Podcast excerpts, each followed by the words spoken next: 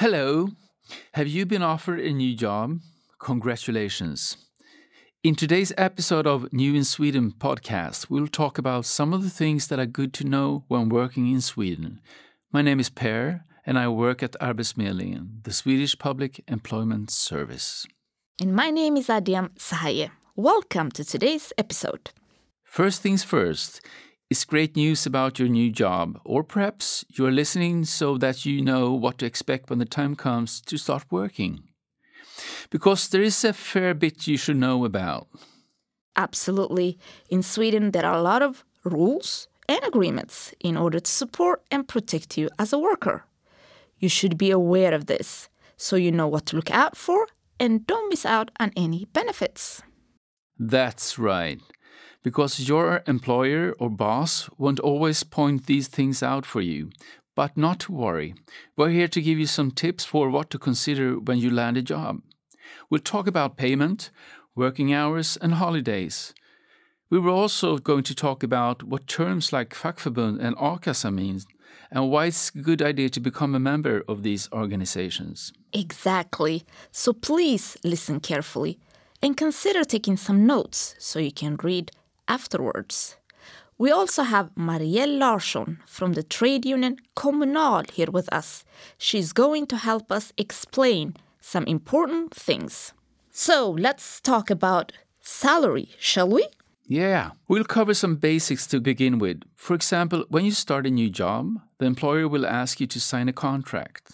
The contract should state how much you will get paid. Before signing the contract, you might want to have a salary negotiation in other words, discuss the amount of money you will receive in return for the work you perform. A good tip here is to visit our website, arbetsförmedlingen.se. Check out the Find Jobs sections, where you can read about what people usually earn in different sectors and professions. But the most important thing is that your employment contract clearly states your payment and employment type. The most common types of employment in Sweden is permanent employment or tillsvidareanställning or fast anställning in Swedish. There is also temporary employment or in Swedish tidsbegränsad anställning. And finally, we have probationary employment that is provanställning in Swedish. That's right. When it comes to salary, there is also a special type of agreement in Sweden which determines how much workers will earn within different sectors. These are called kollektivavtal or collective agreements in English. When you begin a new job, you can ask whether the employer has a kollektivavtal. Not at all will, but they are still have to pay salaries in accordance with a kollektivavtal. I think we should clarify what exactly is a kollektivavtal? We spoke to an expert on the topic, Marielle Larsson, who works for Kommunal.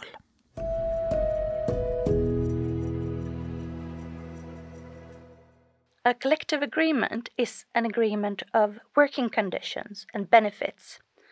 The agreements in, is negotiated between employers and the trade unions. To negotiate the terms of a collective agreement is one of the most important things the trade unions do. If there is a collective agreement at your workplace, it applies for all employees, even if you're a member of a trade union or not. In a collective agreement, there is regulations of occupational pension, which means more pension that you will get from the government, annual salary increase, rules about working hours and form of employment, rules of overtime and unsocial working hours, extra pay when you're on parental leave or long term sick leave. And there's insurance that will cover you in case of an occupational injury, and so on. A collective agreement actually consists of several separate agreements which govern things like how much payment you should get, how many days of holiday you are entitled to, your pension, insurance, what happens if you work overtime or get sick, and so on. So, if I were a bus driver, for example, I would be entitled to a certain level of payment, pay leave, and pension contributions. And the same principle would apply if I work as a child carer, in a shop, or even at Arbetsförmedlingen. Exactly.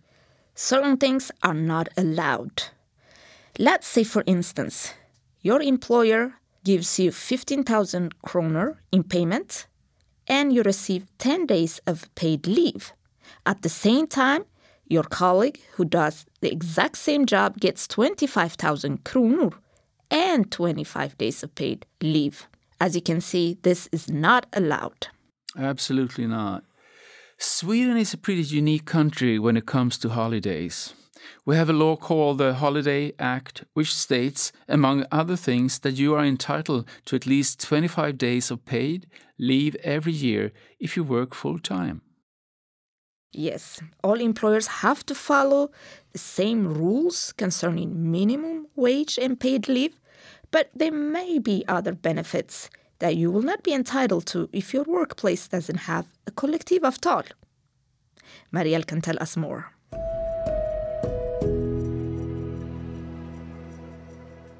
If there is no collective agreement, you don't have the rights to the benefits.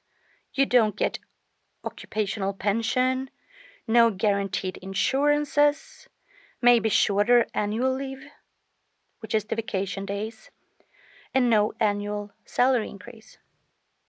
If there is no kollektivavtal, you should still ask whether the company has taken out insurance policies in accordance with kollektivavtal, like Fora Försäkringar, for example. If you would like to know more about this, we suggest searching online, as this isn't our area of expertise. But to back up a bit, Marielle mentioned the term fackförbund a few times when she's speaking about collective agreements, so maybe we should have started with that. Yeah, it's hard to know which order to discuss things in, as everything is interconnected. But as Marielle mentioned, it is the fackförbunden, or trade unions in English, who negotiate the collective kollektivavtalen. Let's hear a little more from Marielle about what a fackförbund actually is and what they do.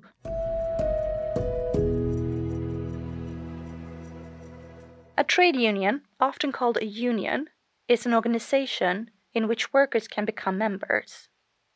You will hear names like facket, fackförbund, or fackförening in Swedish. This is just different names for the same thing. A trade union is run by its members. This means the members in the trade union together decides how the trade union should be run and what the trade union should focus on. There is a law in Sweden that gives a trade union an opportunity to represent their members at the workplace or in court.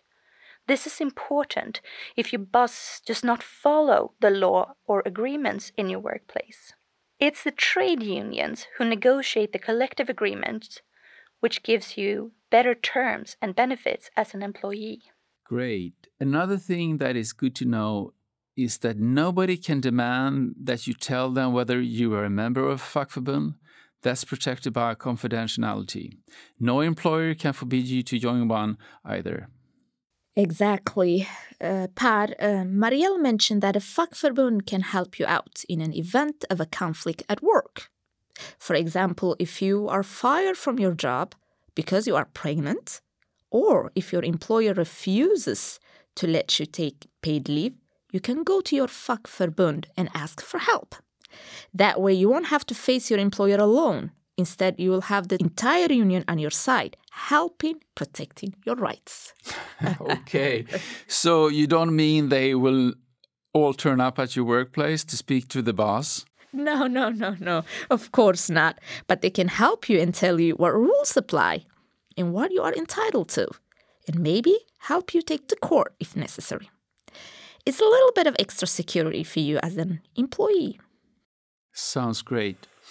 At this point, some of, of our listeners are probably thinking, this fackförbund thing sounds great. Sign me up. What should they do next? Or how can they find out exactly which fackförbund is the right one for them? That's a great question. It isn't always easy to know. There are over 50 different fackförbund in Sweden. Some of the biggest ones are Kommunal, Unionen, IF Metall, Handels, Hotell och restaurang, Sveriges Ingenjörer, and so on. Let's hear what Marielle has to say about deciding which fackförbund to join.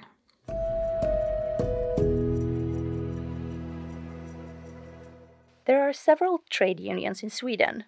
They all represent different occupations. What trade union you can join and become a member of depends on what you work with and who your employer is. Many times, the information in a job advert will say if there's a trade union at a workplace and which one. Sometimes there's an intranet or a notice board at your workplace that will have information about the union. In an employment contract, it usually says if there is a collective agreement and what trade union it's with. Another tip is to do a Google search to ask your friends or colleagues for their advice. That's an excellent tip, Per, and perhaps the easiest option too. You can always call the fackförbund you are interested in joining and make sure it's the right one for you. The unions will also know what a fair payment is in your sector, so you can ask them about that too. Okay. Well, I think I'm ready for a little break now. But we still have another very important topic to discuss today. We need to talk about what an a-kassa is. But before we tell our listeners about that, could you tell me something?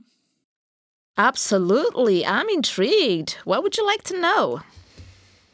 I was hoping you could tell me about your first job. Was it a summer job or have you just always worked at for Arbetsförmedlingen? My first job was a temporary job, and uh, it was as a caregiver in a nursing home. Is there anything you wish you would known back then when you got your first job? I mean, Yes, I wish I joined an unemployment insurance fund, that is a-kassa in Swedish, because eventually, when my work contract ended, I wasn't entitled to any unemployment benefit. We are going to explain some more about that now. Okay, then thanks. Next time you can ask me something. But for now, let's move on to a-kassan. Yes, let's talk about it. I've met so many people who aren't sure about the difference between a-kassa and fackförbund. Very good question.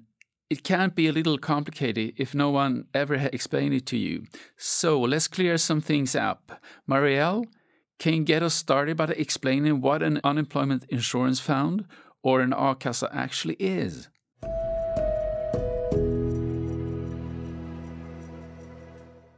A-kassan is short för arbetslöshetskassan, which means the unemployment insurance fund. This insurance is voluntary, which means that you can choose to sign up. As a member of A-kassan, you can receive unemployment pay up to 80% of a monthly salary of 33,000 crowns. There are several unemployment insurance funds. There are requirements you need to meet to be able to receive full benefit, and you can read all about it on their websites. Members of an a-kassa pay membership fees. This means you will be entitled to payments if you end up being unemployed. So it works a bit like an insurance plan, which means you continue to receive money for a limited period even if you lose your job. But do not forget that you must be registered with Arbetsförmedlingen from your first day of unemployment. Hmm. And just like the fackförbunden, there are many different a-kassor, kassor, but they are often linked to a particular fackförbund. It's up to you whether you want to belong to an a-kassa and a fackförbund, but what matters is that you understand the difference between them and what joining involves. Exactly. So the a-kassa pays out if you become unemployed, while a fackförbund supports you whilst you are in your employment. You can be a member of one or the other, both or neither. But joining either is an active decision you must make. It isn't something that just happens automatically as soon as you get a job. I think it's time to wrap things up for today. If anyone found this hard to keep up or wants to read more on their own, what can they do? Many of the fackförbund have a lot of great information on their websites. You can find information about holidays, the working environment, payment, membership, and more. I would also recommend visiting our website and make sure to check out the Working in Sweden page. There is plenty to read there, not just on the topics we discussed today, but lots of other good and important things too. Thanks to Maria Larsson from the Kommunal Fackförbund, who has helped us get our heads around a few things today. And a big thanks to you for listening.